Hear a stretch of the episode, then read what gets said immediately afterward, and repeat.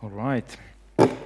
Som jag sa så är det kul, till, kul att vara tillbaka efter sommaren. Vi har haft en riktigt skön sommar, fått vila och ny energi här för hösten. Och det, det är speciellt, det känns på något vis speciellt som att vi har en unik möjlighet eh, som församling att nå den här staden. Vi förstår aldrig hur mycket ett enda gudsmöte kan förvandla en människas liv. Så öppna ditt hjärta. Jag har ett budskap eh, som är sista delen i vår serie Jag är. Och jag tror att det kan också vara en vägvisare. Det kan vara en eh, troshöjande liksom sanning som går in i våra hjärtan och som kan ge oss vägledning inför ett nytt år. Vi har ju talat om eh, Jag är, Jesu sju uttalanden där han säger Jag är... Punkt, punkt, punkt, någonting eh, under den här sommaren. Och de är de finns alla i Johannes evangeliet. Eh, det är Jag är livets bröd, jag är världens ljus, jag är dörren, jag är den gode herden, jag är vägen, sanningen och livet, jag är den sanna vinstocken, och idag talar vi om det sista, och jag är uppståndelsen och livet. Och det står i Johannes evangeliet 11, 25-26, så säger Jesus så här, jag är uppståndelsen och livet. Den som tror på mig ska leva om han än dör, och den som lever och tror på mig ska aldrig någonsin dö. Tror du detta? Och det här säger Jesus i ett speciellt sammanhang. Det handlar om Lazarus. Eh, Lazarus som är sjuk i en sjukdom, och, och han dör också. Och vi ska läsa det här sammanhanget för det här bibelstället citeras ofta i samband med någons bortgång. I samband med att någon flyttar hem till Herren så talar man om det här, Jesus är uppståndelsen och livet. Och det är det det handlar om. Han säger att han har makt över döden. Men jag tror att det här sammanhanget vill tala ännu större sanningar eh, in i vårt liv om vi läser det. Och det är så här, Johannes Johannes, av alla författare i Nya testamentet, så är Johannes den som skriver mest i stil med Gamla testamentet. Han väver in sanningar och han skriver på ett sätt som man skrev på Gamla testamentets tid. Så det finns mycket att hämta i Johannes evangeliet när man förstår hur han skriver. Så vi ska läsa från Johannes 11 och vers 1 vad det här handlar om egentligen. Och det finns många sanningar, många uppenbarelser i den här texten som gäller ditt och mitt liv, här och nu, just eh, 2019 i Åbo, mitt i vardagen. Och det börjar så här, Johannes 11 och 1. En man som hette Lazarus var sjuk. Han var från Betania, den by där Maria och hennes syster Marta bodde. Det var Maria som smorde Herren med väldoftande olja och torkade hans fötter med sitt hår, och nu var hennes bror Lazarus sjuk. Systrarna skickade då bud till Jesus och lät säga, Herre, den du har kär ligger sjuk. När Jesus hörde det sa han, den sjukdomen slutar inte med döden. Den är till Guds ära, för att Guds son ska bli förhärligad genom den. Jesus älskade Marta och hennes syster och Lazarus. Och här kommer den första poängen, redan i början av det här stycket. Det här är en jättelång berättelse, det är 40 några verser, det är 46 verser. En jättelång berättelse i Bibeln, många berättelser är kortare. Men redan här så kommer en viktig poäng. Eh, Guds kärlek och livets brustenhet är inte motsatser. Vad ser vi här? Guds kärlek nämns två gånger på ett ganska intressant sätt. Här står det att systrarna skickar bud, Herre, den du har kär ligger sjuk. Och sen säger Jesus sitt syfte, det här ska inte sluta med döden, det är till Guds ära för att Guds son ska bli förhärligad. Och sen upprepas det igen. Det kommer på nytt. Jesus älskade Marta och hennes syster och Lazarus. Och det här är exakt så som de skrev i Gamla testamentet. Om de ville lyfta upp någonting som väldigt viktigt så omslöt man det. Man upprepar någon sak två gånger för att sluta in det och lyfta fram en poäng. Och det är helt enkelt det att, att Jesus älskar oss och ändå så möter vi problem. Vi möter omständigheter som är svåra i livet. Det är att vi älskar Jesus och att vi är älskade av Jesus betyder inte per automatik att vi skulle vara immuna mot problem. Det betyder inte att vi inte skulle möta svårigheter, utmaningar, sjukdom och till och med död. Jesus älskar Lazarus och Marta och Maria står det här. Här finns utrymme för ärlighet och självrannsakan för troende som tänker att bli kristen är en snabb biljett till ett problemfritt liv. För så är det inte. Det är inte en biljett till ett problemfritt liv. Tron är vägen till ett liv tillsammans med Gud mitt i en brusten värld. Det betyder att Gud går med oss i mörkret, inte att han nödvändigtvis förhindrar att allt mörker någonsin ska komma. Här är två, ut, två verser som uttrycker Jesu kärlek väldigt starkt. Det är ganska få gånger i Bibeln det står att Jesus älskade den och den, den och den. Och här står det Jesus älskade Marta och Maria och Lazarus. Och mitt emellan eh, de här två uttrycken att den Herre, den du har kär ligger sjuk och Jesus älskade Lazarus. Mitt emellan det här så kommer verkligheten, sjukdomen, svårigheten, utmaningen. Den jordiska realiteten kommer mitt emellan det att Gud älskar oss. Mitt emellan det att Gud faktiskt är där och han älskar oss så kommer de vanliga utmaningarna i livet. Men där ryms också Guds handlande och Guds vilja. Jesus säger mitt emellan det att ordet slår fast att det här ska inte leda till döden. Det är för att Guds son ska bli uppenbarad. Mitt emellan hans kärlek ryms också Guds handlande, hans vilja med våra liv. Vilken en svårighet du möter så är Jesus över den. Han är mitt i den. Här är den andra sanningen. Och den första, första poängen är det att Guds kärlek och livets brustenhet inte motsatser så, så är den andra poängen det här att både li, livet och Guds handlande och hans vilja i våra liv, det är liksom sandwiched mellan hans kärlek. Det är som att Guds vilja, Guds handlande är biffen och Guds kärlek är de två bröden i hamburgaren som omsluter hans vilja och hans handlande. Nu kanske du är vegetarian och den här bilden liksom får helt huti. Men du kan tänka att det var en grönsaksbiff då. Guds handlande och vilja finns mitt emellan hans kärlek. Det är omslutet av hans kärlek. Från början, när du föds, så är hans kärlek där och söker dig. Och hans kärlek möter oss när allting tar slut. Men däremellan så finns Guds kärlek mitt i livet mitt i utmaningarna, mitt i svårigheterna. Också här när Marta och Maria kommer till Jesus med ett bud, hej den som du har kär ligger sjuk. Där, mitt i livet, så finns Guds kärlek.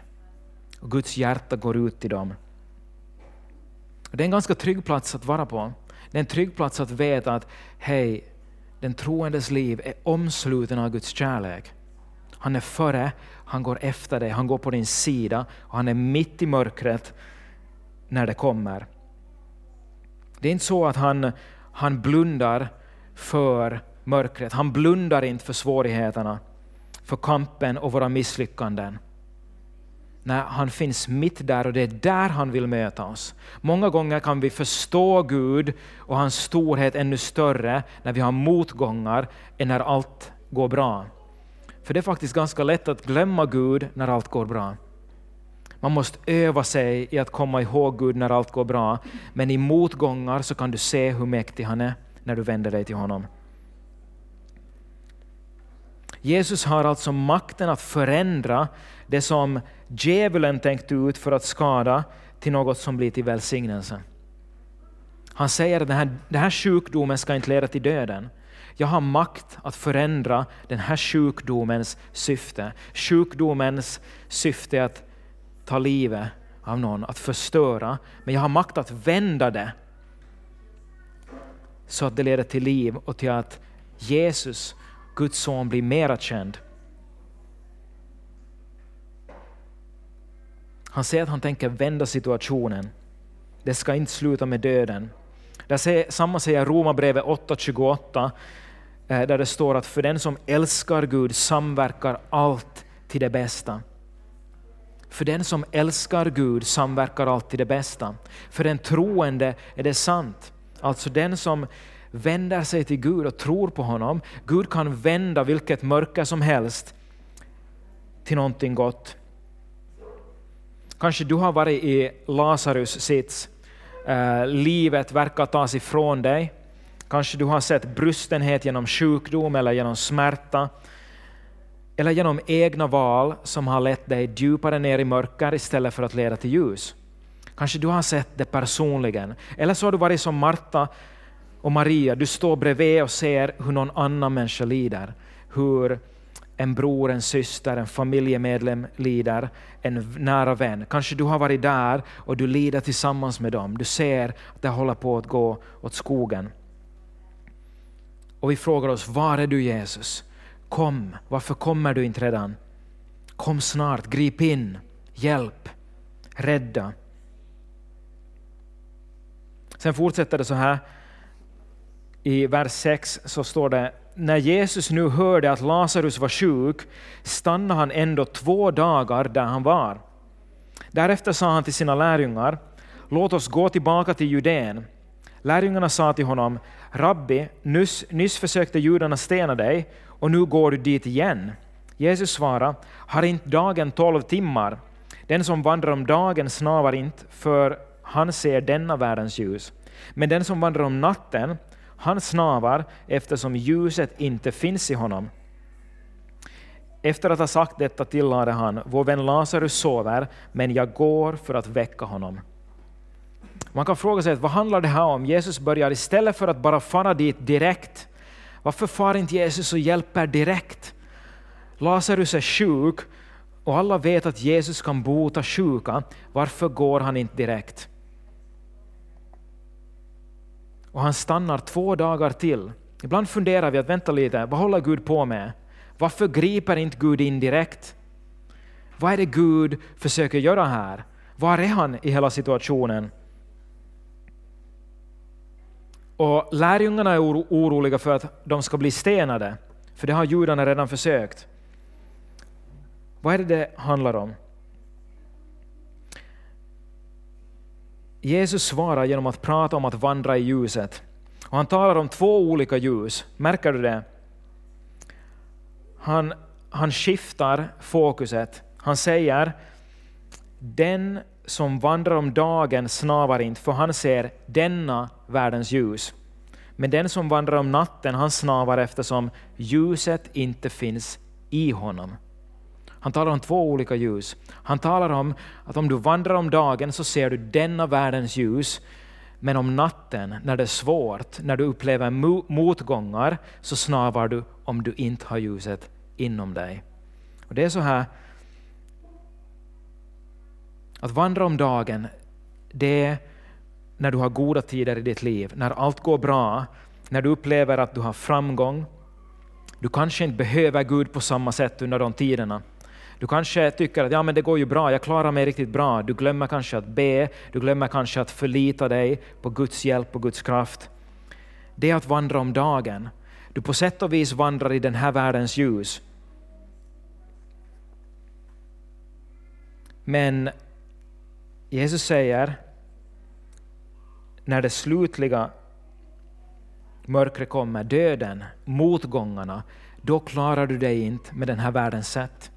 Då kan du inte klara dig med världens framgångsmetoder, världens sätt att vara stark själv. Han säger när mörkret kommer, när det blir motgång och kamp i ditt liv, när sjukdom eller död hotar, då säger han då, för att inte snava då, då behöver du ha ljuset inom dig.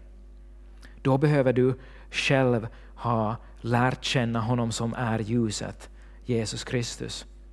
Det är det enda sättet att inte snava om i mörkret.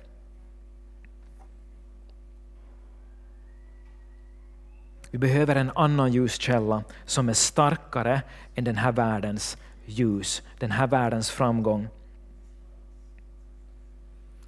Det här är den tredje punkten. Jesu ljus i dig kan besegra mörkret. Jesu ljus i dig är starkare än mörkret. Den som har ljuset inom sig kan se Guds kraft och hjälp strömma fram mitt i mörkret. Men det kan man inte om man endast har den här världens ljus. Det måste ske ett skifte där vi inte längre förlitar oss på den här världens ljus, utan vi förlitar oss på den enda som kan hjälpa i mörkret. Eh, det är Jesus Kristus. Han som säger jag är livet och jag är uppståndelsen. Med andra ord så säger han att när livets mörker kommer, när motgångar, sjukdom, död kommer, så kan du ändå vandra utan att snava om du har ljuset. Om du har satt tro till han som är ljuset. Vad betyder det att ha ljuset? Det är att känna Jesus Kristus.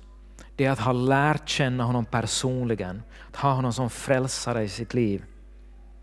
Och att vandra med honom. Att vandra med Gud och lyssna till honom. Vi är inte längre mörkrets barn utan vi blir ljusets barn. Det betyder att vi kan också vi kan bli vägledda av ljuset. Att ha ljuset inom sig, det betyder att jag, jag umgås med Jesus, jag kan höra hans röst, han kan vägleda mig och jag kan vandra med honom. Jag går från att gå i egen kraft till att gå i hans ljus. Ljus, många gånger betyder ljuset i Bibeln alltså att ha vägledning. Jag vet att när eh, Israels folk vandrade i mörkret, vad var det som vägledde, nej de vandrade inte i mörkret, de vandrade i öknen. Men vad var det som vägledde dem? Jo, det var en, en pelare, en molnstod, och det var en molnstod som gick framför dem om dagen och en pelare av eld om natten. Det var ljuset som gick före dem och ledde dem genom öknen. Om du känner ljuset, Jesus Kristus, så kan han också leda dig. Han kan vara ljuset som lyser upp din stig, lyser upp din väg i den djupaste mörker. Han vill inte bara vara din frälsare när allt är bra, när allt känns bra och fantastiskt. Han vill vara din frälsare i de mörkaste stunderna i livet. Och Den här berättelsen handlar om att han bekräftar att han inte bara vill det, utan han kan det. Han kan vara din frälsare mitt i motgångarna. Det är där det finns kraft. Det är där i livet, att känna Jesus och att lita på honom, där finns kraften. Den finns inte i oss själva. Du kan inte trolla fram någon kraft. Den enda kraften till att besegra mörker finns i att känna Jesus. Jesus exemplifierar det här genom den här berättelsen, genom det han gör, genom sitt handlande. Han vet att Gud vill förhärliga sig, göra sig själv och Guds rike känt och mäktigt genom Lazarus situation. Han går inte bara dit för att bota Lazarus själv, för han vet att Gud vill visa hur han fungerar i våra liv. Så han rusar inte dit direkt han själv är ledd av Gud, han själv är ledd av Guds ande, han har ljuset. Så han gör inte på eget bevåg. Han skulle ha kunnat springa iväg i egen kraft och bota Lazarus. Och då skulle Guds poäng kanske ha uteblivit. Men nu ville Gud visa något ännu större. Han ville visa att Jesus Kristus inte bara har makt att bota sjuka, utan att han har makt att resa upp döda. Han har makt över döden. Gud ville visa något mera, därför stannar Jesus två dagar till. Och han väntar ut de två dagarna för att han skulle vandra i takt med Gud. Så medan han talar om ljuset och att ha ljuset inom sig så gör han det själv. Han går inte iväg i egen kraft utan han väntar.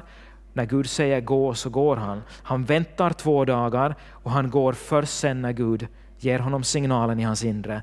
Nu ska du gå till Lazarus. Och han vet troligen att Lazarus redan är död, för han säger Lazarus sover, men jag går för att väcka honom upp. Och i följande stycke från vers 11 så säger han det, eh, nej från vers 12 säger han det rakt ut. Då sa lärjungarna till honom, Herre, sover han så blir han frisk. Jesus hade talat om hans död, men de trodde att han talade om vanlig sömn. Då sa Jesus helt öppet till dem, Lazarus är död. Och för er skull, för att ni ska tro, är jag glad att jag inte var där. Men låt oss nu gå till honom. Thomas som kallades tvillingen sa då till de andra lärjungarna, låt oss gå vi också och dö tillsammans med honom. Lärjungarna var fullständigt negativa till hela situationen. De trodde att de går dit för att dö. De var rädda för att bli stenade. Och de förstod inte att mitt i mörkret så vill Gud uppenbara sin kraft för dem. Förstår vi det när vi går igenom tunga perioder? Gud kan använda det för att bli ännu större i våra liv. När vi går igenom motgångar, problem, sjukdom, utmaningar av olika slag, då kan Gud använda det för att bli förhärligad, för att bli större i våra liv, för att vi skulle ge honom ännu mera plats i våra liv. För att han skulle få med sitt ljus vara ännu större inom oss. Så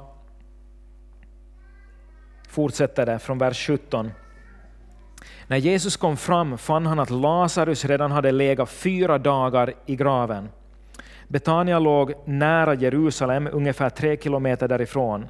Många judar hade kommit ut till Marta och Maria för att trösta dem i sorgen över deras bror. När Marta fick höra att Jesus hade kommit gick hon ut och mötte honom, men Maria stannade kvar hemma. Marta sa till Jesus, Herre, om du hade varit här skulle min bror inte ha dött. Men också nu vet jag att Gud kommer att ge dig vad du än ber honom om. Jesus sa det, din bror ska uppstå. Marta svarade, jag vet att han ska uppstå vid uppståndelsen på den yttersta dagen. Och Jesus säger då, jag är uppståndelsen och livet. Den som tror på mig ska leva om han än dör. Och den som lever och tror på mig ska aldrig någonsin dö. Tror du detta?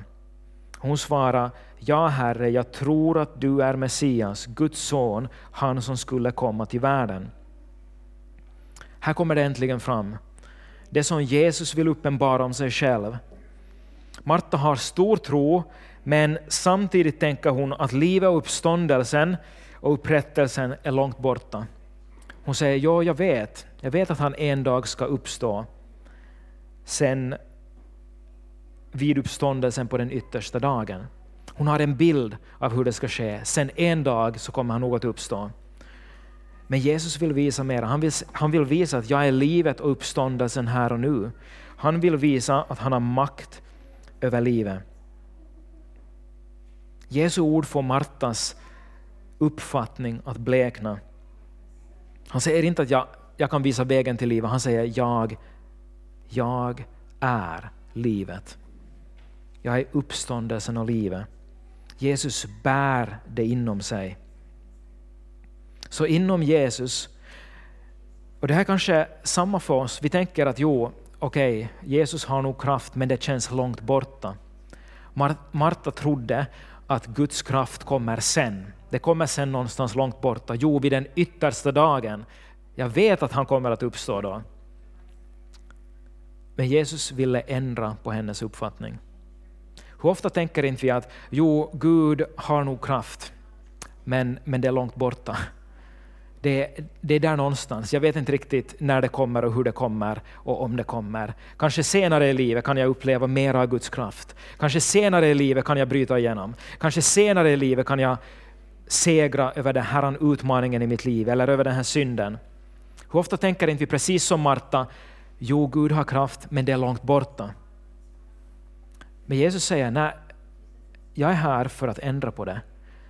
Det är inte så att jag kan visa vägen till kraft långt borta eller livet långt borta. Eh, det är så att jag är här och jag är uppståndelsen och livet. Och Detsamma säger han i din situation. Vad än du går igenom, han är inte långt borta, kraften är inte där någonstans. Det blir bra sen på andra sidan. Han säger, jag är livet och jag är här.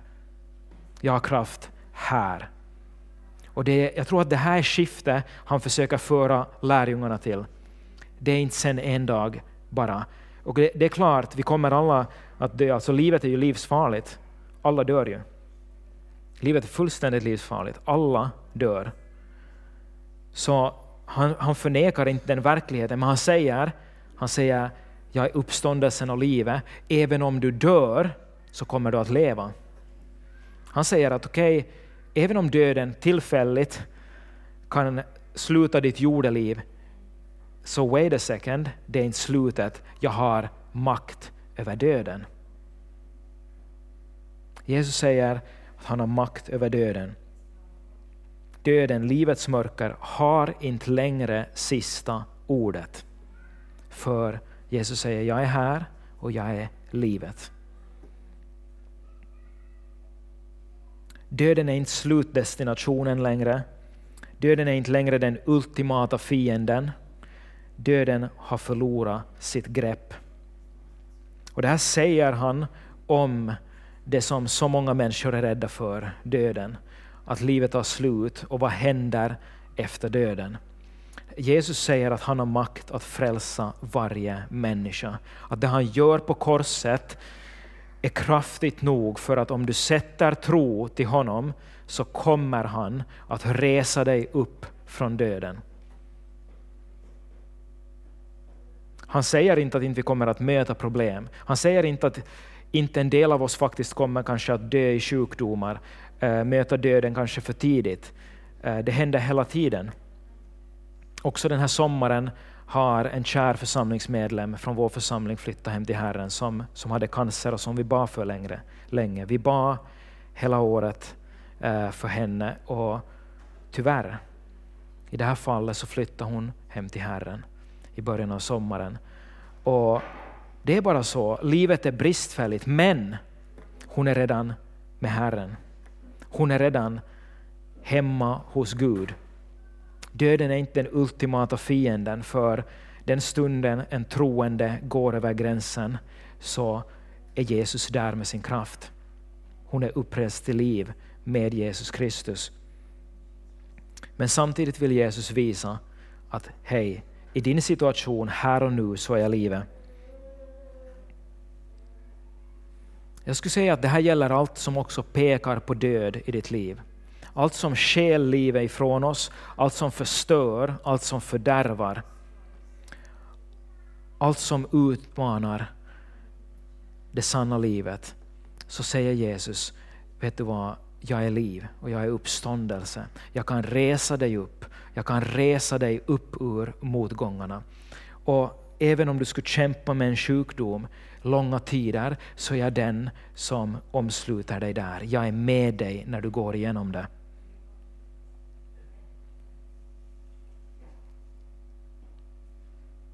Jesus vill ge liv på varje område. Han vill visa att han är starkare och han är närmare än vi tror.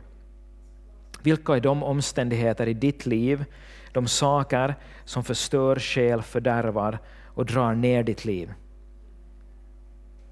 Är Jesus Kristus mäktig att verka i de omständigheterna som är vår kamp just nu, mitt i vardagen? Jesus säger här att jag är livet. Jag kan komma in som frälsare i just de situationerna. Försöker du lösa det med den här världens ljus eller vänder du dig till Jesus som står över döden, som står över utmaningarna, som står över allt i den här världen. Det fortsätter så här eh, från vers 32. Vi hoppar över några verser. När Maria kom till platsen där Jesus var och fick se honom föll hon ner vid hans fötter och sa till honom Herre, om du hade varit här skulle min bror inte ha dött. När Jesus såg hur hon grät och hur judarna som följt med henne grät blev han djupt rörd och skakad i sin ande och frågade Var har ni lagt honom? Det svarade Herre, kom och se. Jesus grät. Då sa judarna, se hur han älskade honom.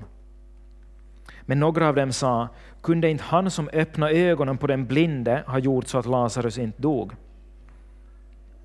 Märker du vad som händer här? Först kommer Maria och anklagar Jesus. Om du skulle ha varit här skulle inte min bror ha dött. Efter en stund kommer judarna och anklagar honom. Kunde inte han som öppnade ögonen på de blinda ha gjort så att inte Lazarus dog? Jesus blir anklagad för att inte komma i tid, för att inte vara närvarande, för att inte vara där när någon behövde honom. Bryr du dig Gud? Bryr du dig om min situation egentligen? Bryr du dig om vad vi går igenom här? Det är egentligen det de säger. Bryr du dig Jesus? Och ändå så är det mitt i det här stycket så har vi Bibelns kortaste vers och ett bevis på hur Jesu hjärta går ut till de som lider. Det står att han blev djupt rörd och skakad i sin ande. Och så står den kortaste versen i hela Bibeln, vers 35. Jesus grät. Jag måste kolla upp det här faktiskt, för det finns ju en, en bibelvers i är det första Thessalonikerbrevet 5 där det står be oavbrutet. Så jag kollade i grekiskan och det är faktiskt Jesus grät som är kortare. Jesus grät, den kortaste versen i hela Bibeln, och ändå så samlar den så mycket. Här är en människa i nöd, här är människor som upplever lidande, som har mistat en nära. Det står bara Jesus grät. Jesu hjärta går ut till de som lider. Och han vet vad du går igenom. Jesus vet vad du går igenom i ditt liv. Han vet din kamp, han vet dina motgångar. Han vet hur det känns. Och Jesus gråter också tillsammans med dig när du går igenom det. Så många gånger beskyller vi Gud för att inte vara närvarande. Vi, vi, det är så lätt att tänka, Gud, varför gjorde inte någonting? Men Guds hjärta går ut till oss och han vet vad han vill göra. Och han väntar bara på, vill vi vända oss till honom och lita på hans liv, inte på den här världens ljus. Jesus blundar aldrig för din smärta. Jesus blundar aldrig för din kamp. Utan han känner med dig mitt i det du går igenom.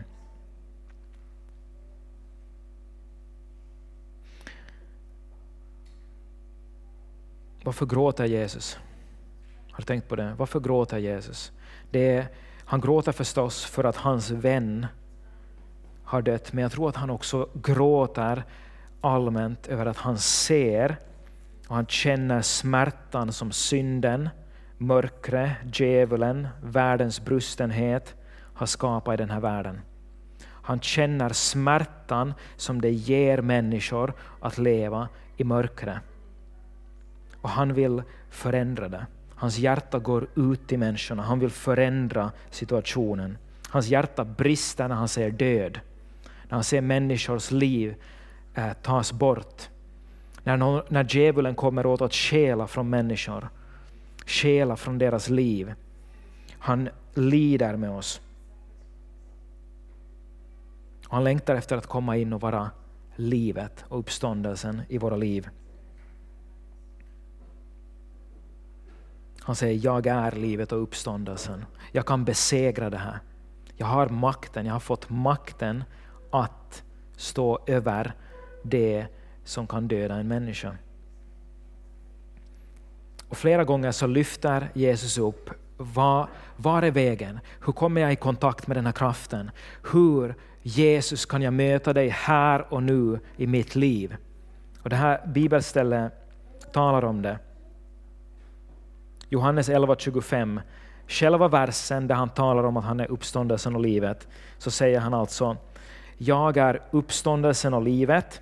Den som tror på mig ska leva om han än dör. Och var och en som lever och tror på mig ska aldrig någonsin dö. Tror du detta? Det är exakt så här som Johannes skulle skriva det. Genom upprepning så gör både Jesus och Johannes evangeliet en poäng här. Den som tror. Den som tror. Tror du? Det finns bara en väg till att uppleva Jesus som liv och uppståndelsen. Och det är tro. Och vad är tro? Tro är att lita på någon annan, att förtrösta. Det är, tro är egentligen att säga jag litar.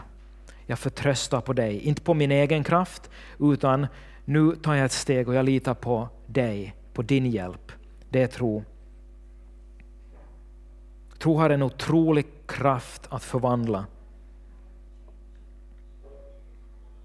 Jag litar på dig så jag öppnar mig för dig. Jag ber om din hjälp. Jag vågar ta emot din hjälp och försöker inte göra det själv. Så det här är vägen. Han säger bara tro. Sträck dig ut, ta ett steg mot mig. Och se vad Jesus gör till nästa. Han förklarar någonting om vad tro betyder i praktiken. Från vers 38 så säger Jesus, Jesus blev åter djupt rörd i sitt inre och gick fram till graven. Det var en klippgrav med en sten för öppningen. Jesus sa, ta bort stenen. Den dödes syster Marta sa till honom, Herre, han luktar redan, det är fjärde dagen. Så här förklarar Jesus någonting om tro. Jesus säger, ta bort stenen. Och Marta har sagt, bara lite tidigare, som vi läste om, så har Marta sagt, jag tror. Eller vad? Hon sa när Jesus frågade, tror du detta? Så svarar Marta, jag tror. Jag tror att han ska uppstå på den yttersta dagen och jag tror att du är Messias, den levande Gudens son. Och nu säger Jesus, ta bort stenen. Och Marta svarar, Herre han luktar redan, det är fjärde dagen. Märker du? Om du litar, om du tror, vad gör du? Du följer den som du litar på. Om du litar på Jesus så vågar du ta ett steg i tro när han säger När Jesus uppstår ur graven, vem flyttar på stenen? När Jesus har dött och han uppstår ur graven, vem flyttar på stenen? Änglarna från himlen eller vad? Flyttar på stenen. Varför gör inte de det nu? Varför kan inte Jesus flytta på stenen? Varför hjälper han inte ens till när de flyttar på stenen? Varför säger han inte kom här, kom och hjälp nu, nu flyttar vi på stenen här. Varför börjar inte Jesus göra det? För han vill lära människor tro. Han vill lära människor vägen till att connecta med Guds liv och med uppståndelsekraften. Han säger, ta bort den här stenen. De är, de är massor av folk där. Det är Marta och Maria och en hel hög, en hel hop med människor som följer med dem och sörjer som man gjorde på den tiden. Det var ett helt sorgetåg som kom med. Så de är kanske, vem vet, de är 10, 15, 20 personer. Han säger bara en sak. Han säger inte, tänk om Jesus skulle ha sagt, res upp Lazarus ur det från de döda. Men han säger inte, han säger, flytta på stenen. De är tillräckligt må många, men de måste ta steget och lita. De måste ta ett litet steg. Vad är svårare, att flytta på stenen med 20 pers eller att resa upp, Jesus, eh, resa upp Lazarus ur de döda? Det är klart att det är svårare att resa upp Lazarus ur de döda. Därför ber Jesus dem att ta ett enkelt steg. Ett litet trosteg för att säga, jag tror på det du säger, att du är uppståndelsen och livet. Det har ännu inte landat i Martas hjärta. Hon förstår i sitt huvud att Jesus har kraft, men det har inte landat i hennes hjärta hur mäktig och hur stor Jesus är. Och det vill Jesus visa just nu. Jesus vill föra henne från den här platsen av en viss bild av vem Jesus Kristus är till den här platsen av hur stor Jesus Kristus är när vi litar på honom och tror på honom. Det är här som tron blir realiteter. Nu kommer det ner till realiteter. Nu står tro och död mot varandra.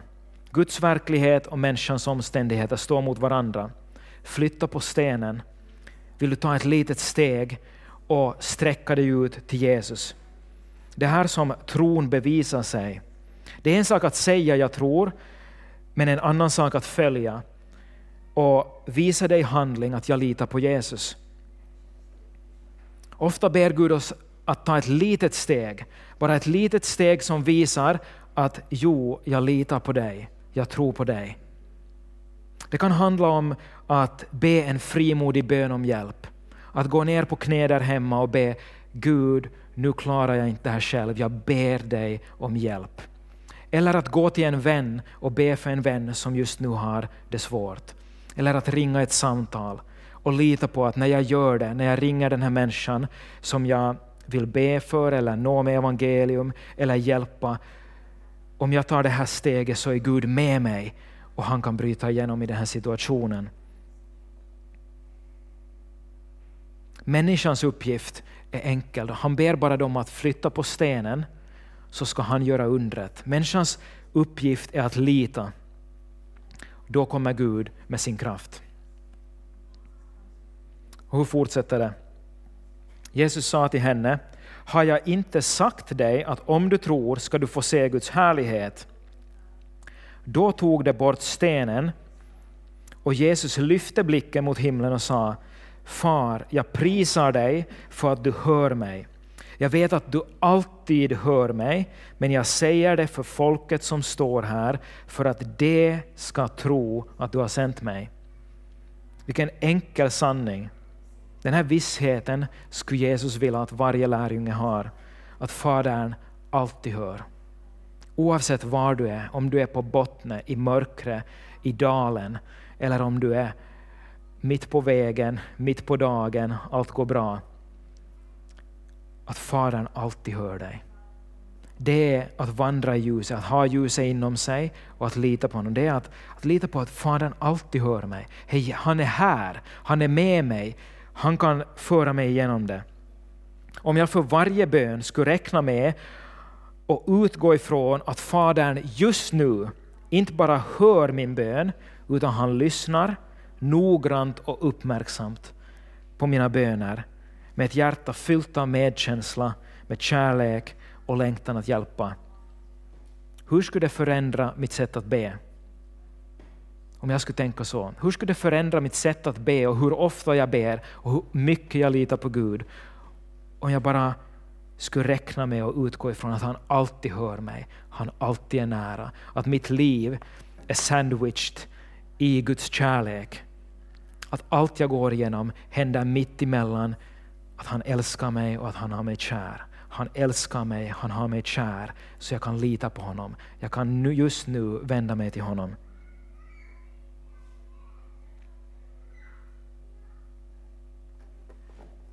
Här kommer då slutet, 43, vers 43, Johannes 11 och framåt. När han hade sagt detta ropade han med hög röst. Lazarus, kom ut! Och då kom den döde ut med fötter och händer inlindade i bindlar och med ansiktet täckt av en duk. Jesus sa till dem, gör honom fri och låt honom gå. Igen fick de den enkla uppgiften. Inte att väcka upp honom, utan att bara göra honom fri från bindlarna. Låt honom gå. Och sen står det i vers 45, många judar som hade kommit till Maria och sett vad Jesus gjorde kom till tro på honom. Många som såg det här kom till tro. Gud blev större i deras liv. Jesu makt uppenbarades. Han har makt, inte bara att bota sjuka, utan han har makt över döden. Och var och en som tror på honom så kommer att få del av den kraften. Han är livet. Han visar sin frälsande kraft, men han visar också på så många sätt i den här berättelsen så talar det om att mitt i livet, mitt i mörkret, så vill jag omsluta dig med min kärlek och jag vill vara livet och uppståndelsen där. Jag fick ett intressant Eh, bevis på hur det här fungerar på fredag. Eh, förra torsdagen så försökte jag eh, få någon predikan skriven här på kontoret. Jag visste texten jag skulle predika över, så det är inte på det sättet så svårt eller så. Men det hände allt möjligt under torsdagen. Jag blev avbruten, en av våra bilar gick sönder, flera människor som ringde och det var det ena och det andra att reda upp. så jag fick inte ett enda ord skrivet på torsdagen. Det var liksom en total kvaddad dag. Eh, sådär, från, från vad som var mitt syfte, att få predikan färdig. Så det betydde att min lediga dag på fredag så måste jag skriva predikan. Och vi var på väg ut till stugan, så jag åkte med Miriam till Ekenäs och så tänkte jag att jag går och sätter mig på ett café och skriver predikan där. Och så gick jag en, en sväng bara runt i Ekenäs och bad före jag gick till kaféet för att sitta och skriva predikan. Det var jättehärligt att se sin hemstad och be för sin hemstad. Och så gick jag där och jag bad i tungor och för mig själv tyst. Det gick andra människor där på gatan och sa jag bad tyst i tungor och bara sökte Gud att han skulle hjälpa med predikan, att jag får den färdig då när jag sitter där på något stökigt kafé i Ekenäs. Och så går jag till kaféet och sätter mig där och så ber jag en enkel bön. Jag säger Gud, nu sitter jag här, jag ber om hjälp med predikan, men om det finns något annat du vill använda mig för, så ställer jag mig till ditt förfogande. Gör vad du vill. Här sitter jag nu. Och sen börjar jag skriva predikan, klockan är kanske tio på morgonen, och jag sitter där i tre timmar på kaféet, skriver predikan, och så tänker jag, uh, när klockan är lite för ett så tänker jag okej, okay, men nu ska jag gå på lunch till ett annat ställe. Så jag börjar just packa ihop mina grejer och då kommer en äldre kvinna och frågar på finska, får jag sätta mig här? Att det är bekvämare stolar, att jag kan inte sitta på de här pallarna där vid andra borden som var lediga. Så säger jag absolut, sätt ner dig. Och så tänker jag att ja, kanske här är någon människa som behöver någonting. Och vi sitter bara en liten stund och pratar så börjar hon berätta om hur hon har ångest varje dag. Hon säger att, ja, att hon har gjort bort sig så många gånger i sitt liv. Hon har gjort så mycket tokigheter. Och så sträcker jag handen fram till henne och säger välkommen till klubben. Jag har också gjort bort mig massor av gånger. Och hon, visste, hon visste redan då att jag var pastor, hon hade frågat vad jag gör. Och så sa hon, hon tog min hand och var så här, har du? Har du gjort bort dig en massa gånger? Så sa jag, mer än vad du skulle kunna förstå. Jag har gjort bort mig massor av gånger. Så sitter vi och pratar en stund och så säger hon att, att jag har ångest varje morgon när jag stiger upp. Och så berättar hon vad det berodde på och så vidare. Så säger jag, jag får bara frimodighet att tala rakt in i hennes liv och säga vet du vad, att Jesus älskar dig. Och han har redan förlåtit allt du någonsin har gjort. För det gjorde han på korset. Han har redan förlåtit det och han älskar dig precis där vad du är. Och hon blir lite tårögd och säger att tror du det faktiskt? Och säger ja, han älskar dig. Och så frågar jag om jag får be för henne. Och där mitt på kaféet, det sitter människor runt omkring och till och med i Ekenäs, där var andra som talar finska runt omkring. Så frågar jag att, att får jag be för dig och ta din hand och be för dig? Och så ber vi på kaféet på finska bland andra människor, så ber jag för henne att ångesten ska få bort från hennes liv och aldrig komma tillbaka, och att hon ska förstå att Jesus älskar henne och har förlåtit henne. Och så byter vi telefonnummer och jag sa att min mamma är också från Helsingfors och hon talar också finska, så du kan säkert träffa henne. Och ger min mammas telefonnummer och mitt eget. Igår på lördag, mitt i allt så ringer det ett obekant nummer till mig och jag säger att är det någon försäljare nu på lördag? Så svarar jag och så, svarar, så är det den här damen från fredag som ringer mig och frågar hur jag har det. Och så säger hon att vet du vad, och hon börjar snubbla med orden och hon hittar inte orden. Men hon vill säga till slut liksom att, att du är en riktig ångestbortdrivare. Hon sa att efter att du bad igår så är ångesten borta. Idag vaknade jag, var pigg och hade ingen ångest. Före klockan nio hade jag redan gjort en massa, fått massor gjort. Och och, och, nu undrar jag vad jag ska göra med resten av dagen. Jag är så, så, ensam att förut har det tagit hela dagen att göra bara mina vanliga sysslor, så nu, nu har jag ingenting att göra, säger hon. Och, och funderar över det här. Så, så uppmuntrar jag henne bara att gå med där, gå till församlingen och, och att träffa min mamma. Och för mig blev det på något vis ett bevis på att okej, okay, eh, det kanske fanns ett syfte med att min torsdag gick helt åt skogen och det hände en massa, för Gud behövde ha mig där på fredag på ett café i Ekenäs och där en människa finns som lider av ångest. En människa som varje dag, hon sa att det har hon haft i årtionden, ångest varje morgon. En människa som Gud vill möta med sin kärlek och visa att jag är livet, jag är uppståndelsen, jag står över dina omständigheter. Och det blev en jättestark uppmuntran för mig, för det här händer inte dagligen för mig fast jag är pastor. Jag kommer inte ens dagligen ihåg att be Gud använd mig. Men Gud är större än det. Han är större än mina brister, han är större än min ovillighet eller eh, mitt öra som inte alltid hör rätt. Han är större än det och han kan koppla ihop mig var som helst med någon människa som behöver honom. Så inte bara det att han vill hjälpa dig och vara livet och uppståndelsen i dina omständigheter. Han vill att du har ljuset inom dig. Du kan vara ledd av honom och du kan gå in i den här hösten och veta att vart än du kommer så kan Gud använda dig. Han kan hämta Guds kärlek genom dig som har satt din tro till honom, till andra människor omkring dig. Han kan skapa de här tillfällena var som helst. Han vill vara ljuset i ditt liv och han vill ge det vidare åt andra människor. Han är så mycket större än vad vi förstår och tror. Ska vi be tillsammans och bara överlåta oss åt honom och, och söka honom? Fader, tack för din storhet och din godhet. Tack för att, att du visar genom ditt ord och genom Jesu liv hur stor du är. Du har makten över omständigheter och situationer. Fader, just nu ber jag att du kommer med ditt liv in i våra omständigheter. Herre, du vet vad vi går igenom, du vet vad vi kämpar med, var vi finns just nu. Och jag bara ber dig, kom Herre. Helige Ande, kom och verka. Om det finns någon som speciellt vill ha förbön så, så kan du sätta upp din hand och jag ber för alla på en gång som, som sätter upp sin hand. Uh, om du går igenom en mörk period eller svårigheter så, så låt oss be för dig. Bara sätt upp din hand om du upplever det så. Just nu. Fader, du ser alla som har satt upp handen, som har markerat åt dig Gud att, att just nu är en tung period i mitt liv. Just nu går jag genom en dal och en svacka. Fader, de har satt upp sin hand som ett tecken på att, att jag litar på dig, jag tror på dig och jag ber om din hjälp. Och just nu Fader ber jag, kom in i deras liv.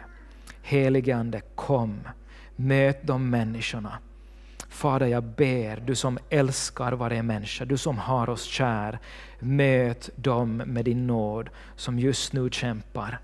Fader, jag ber att din kärlek ska fylla dem. Jag ber att mörker ska ge vika. Jag ber att du ska bota sjukdomar. Jag ber att du ska komma med klarhet och visshet in i livet. Kom med frid in i de människornas liv. Helige Ande, verka. Tack för att du är god. Tack för att du är stor. Vi sjunger lite lovsång och söker Gud. Och vill du ha förbön, oavsett om du rensat upp handen eller inte, eh, alla är välkomna till förbön som vill ha förbön. Annika finns där i soffan bak, jag och Anton finns här på första raden. Kom till förbön om du känner för det. Annars bara sök Gud och var inför honom en stund när vi sjunger de sista lovsångerna. Så stannar vi upp för vem Jesus är, hur stor han är. Amen.